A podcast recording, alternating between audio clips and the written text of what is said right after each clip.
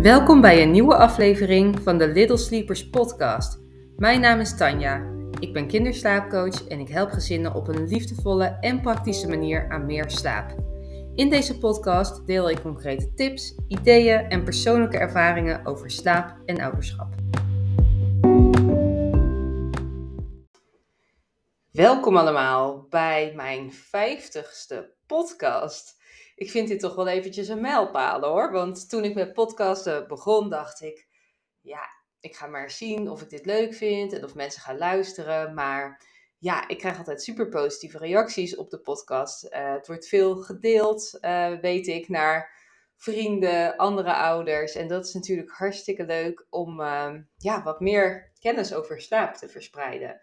En we zitten toevallig aan het einde van 2023 als ik deze podcast opneem. En als jij hem uh, voorbij gaat zien komen uh, bij de lancering eind december. En hoe toepasselijk is het om het even over de jaarwisseling te gaan hebben? Want dat is altijd weer zo'n ding met jonge kinderen, dat je denkt, ja, hoe ga ik dat nou doen? En dan met name rondom slapen. Ga je kinderen ergens mee naartoe nemen? Hoe doe je dat dan? Mogen ze later naar bed of niet? Hou je ze wakker? Maak je ze wakker? Nou, zijn natuurlijk allerlei vragen. En ik kan je alvast zeggen dat alles gewoon een super persoonlijke keuze is. Maar ik ga je toch meenemen in wat dingen die je misschien op weg kunnen helpen als je wat twijfelt over dit onderwerp. Nou, belangrijk om te weten, als je jonge kinderen hebt die je wil laten slapen op een andere plek, ben ik daar sowieso een voorstander van om het gewoon te doen en het te proberen. Belangrijk is om je te realiseren dat het voor je kindje het meest fijn is als je ongeveer hetzelfde ritme, routines en rituelen uh, van thuis aanhoudt. Zeker voor oudere kinderen die thuis een bepaald ritueel gewend zijn, bijvoorbeeld met een boekje lezen, etc. Dan is het heel fijn om dat op de andere plek ook te doen. Even op een andere gekke plek die één op één aandacht en één op één tijd. Voor een jonge baby is ook zeker uh, vasthouden aan het ritme. En natuurlijk mag bedtijd best ietsje later zijn, maar zou ik niet echt uh, enorm overschrijden. Um, en voornamelijk de, dezelfde ja, soort slaapomgeving creëren heel erg fijn. Dus als je eigen spullen mee kan nemen, bijvoorbeeld een eigen lakentje, knuffeltjes, slaapzak, etc., dan kan dat heel erg fijn en herkenbaar zijn. En dat maakt het gewoon wat makkelijker om tot rust te komen en in slaap te vallen. Een jonge baby gaat natuurlijk nog onwijs op zijn zintuigen af. Die communiceert het nog helemaal niet zoals grotere kinderen of volwassenen dat doen. Dus weet dat dingen als geur en vertrouwde uh, objecten, hè, of het dan een slaapzak is of een knuffel, heel erg fijn kunnen zijn voor een jonge baby. Nou, als je dan kijkt naar de slaapomgeving, dan is in verband met het vuurwerk uh, een verduisterend gordijn heel erg fijn. En als dat er nou helemaal niet is, kijk dan of je het bijvoorbeeld even kan afplakken met vuilniszakken voor die avond. Om ervoor te zorgen dat je kindje niet wakker wordt gemaakt door steeds continu flitsen van licht. Nou, of je het helemaal kan voorkomen, dat weet je natuurlijk niet. Wordt je kindje wakker, dan is dat natuurlijk zo. Uh, maar ik hoor altijd dat veel kinderen er doorheen slapen. Bij mij is dat eigenlijk de afgelopen jaren ook alleen maar zo gebeurd. Uh, maar het kan natuurlijk uh, heel persoonlijk zijn per kind of je kindje snel wakker schrikt van zoiets. En het heeft misschien ook wel een beetje te maken met in welke mate je kindje al zelfstandig in slaap valt. of wellicht nog helemaal niet. En dat daardoor sneller wat onrust ontstaat. Nou, voor de herrie en het geluid kan je overwegen om witte ruis te gebruiken, white noise. Je kan dat afspelen via bijvoorbeeld Spotify, YouTube, uh, via een boxje. Uh, maar wellicht heb je ook een apparaatje of knuffel met witte ruis in huis. Witte ruis in huis. en neem die dan vooral ook mee als je kindje op een andere plek gaat slapen. En ook voor thuis kan je dat natuurlijk hartstikke goed aanzetten. Zet het dan met name tussen waar het meeste geluid vandaan komt en de slaapplek in. Dus stel je kindje ligt in een campingbedje in een, of een ledikant in de kamer en het meeste geluid komt van het raam, dan zet je de witte ruis bij het raam. Uh, je wil als het ware een soort muur, onzichtbare muur creëren, wat het geluid van buiten wat filtert of blokkeert. Uh, helemaal wegnemen zal dat natuurlijk niet. Zeker niet bij grote knallen en na 12 uur als er echt veel vuurwerk wordt afgestoken. Maar je mag wel verwachten dat het even het scherpe randje eraf haalt. Dus uh, ja, gebruik dat zeker als jouw kindje snel wakker wordt. Of als je het fijn vindt dat je kindje gewoon door blijft, uh, door blijft slapen. En dan kom ik meteen ook bij dat onderwerp. Maak je je kindje wakker of niet? Nou, hele persoonlijke keuze. en ik ga dan dus ook mijn persoonlijke mening geven. omdat hier gewoon geen wetenschappelijk onderbouwde adviezen voor zijn. Het is gewoon wat het is. Um, persoonlijk ben ik van mening dat een kind van jonger dan vier jaar er echt helemaal niets aan heeft om wakker te worden gemaakt. Uh, als je dat doet, dan is de kans ook groot dat je daarna snel naar huis moet. Want dat met die knallen op een andere locatie midden in de nacht opnieuw in slaap vallen. Nou, dat is wel een beetje uitdagend. Uh, en kinderen zijn toch moe, dus worden sneller huilerig. En over het algemeen hebben kinderen er niet zoveel aan en herinneren ze dat ook zeker niet nog heel langdurig. Dus ik zou niet per se weten waarom je een kindje jonger dan vier jaar wakker zou maken voor het 12 uur moment. Um, vanaf vier jaar zie je dat kinderen het iets beter gaan begrijpen. Of als ze wellicht een ouder broertje of zusje hebben die wel wordt wakker gemaakt, dan komt er natuurlijk een interesse in. Uh, en als dat zo is, dan zijn dat wat mij betreft logische redenen waarom je het wellicht wel zou doen. Uh, ik denk zodra je het bespreekbaar kan maken met je kindje, je kindje ook begrijpt wat er gaat gebeuren en waarom je dan eventueel je kindje wakker zou maken, dan is het een wellicht een moment om te zeggen om het toch wel te doen. En je ziet vaak bij kinderen van vier jaar of ouder dat die interesse wat meer groeit.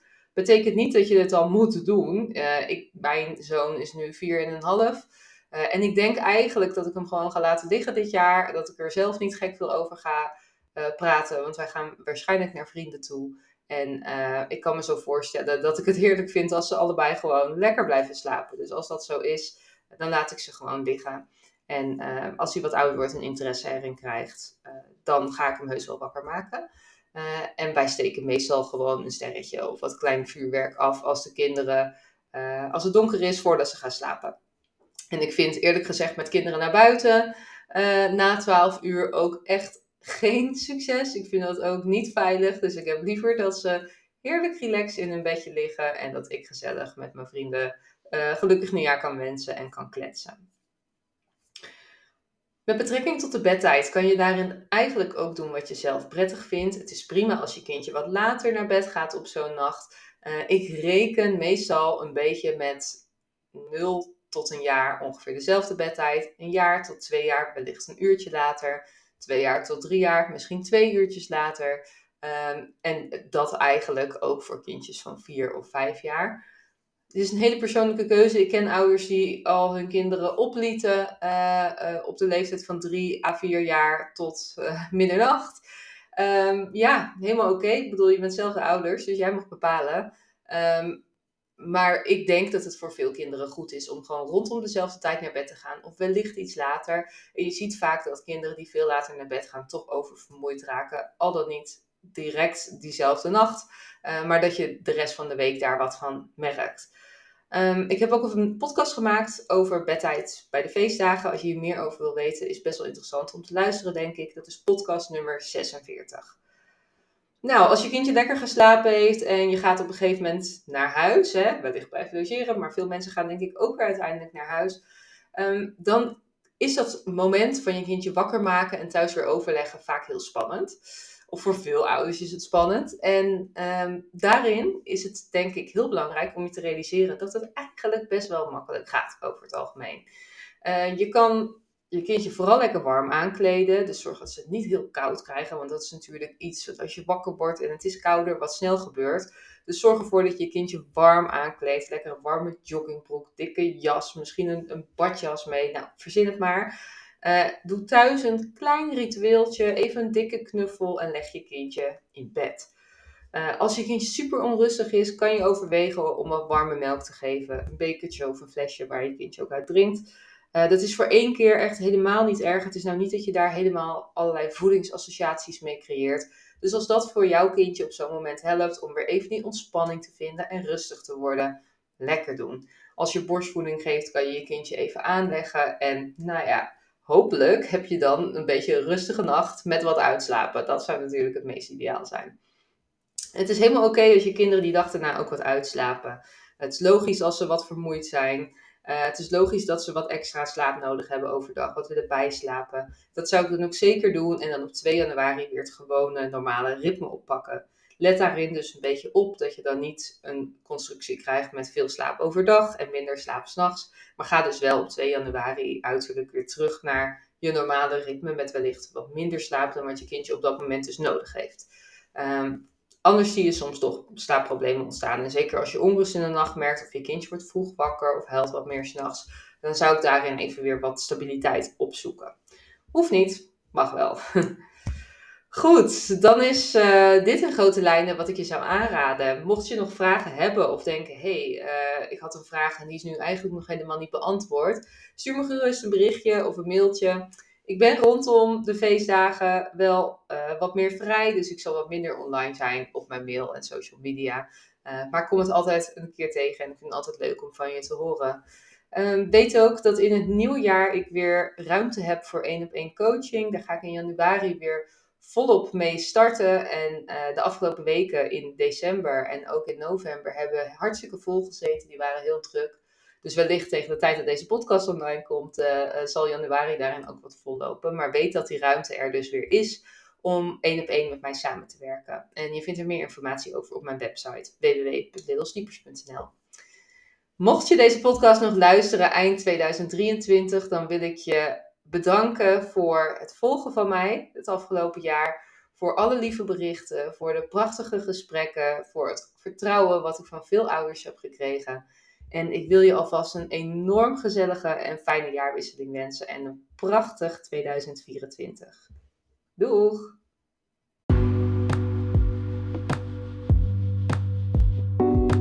Onwijs bedankt voor het luisteren. Hopelijk heb je veel ideeën om meer rust en energie te creëren voor jouw gezin. Laat het me weten. Deel iets over deze podcast op social media of tip hem bij je vrienden. Graag tot de volgende keer bij de Little Sleepers podcast.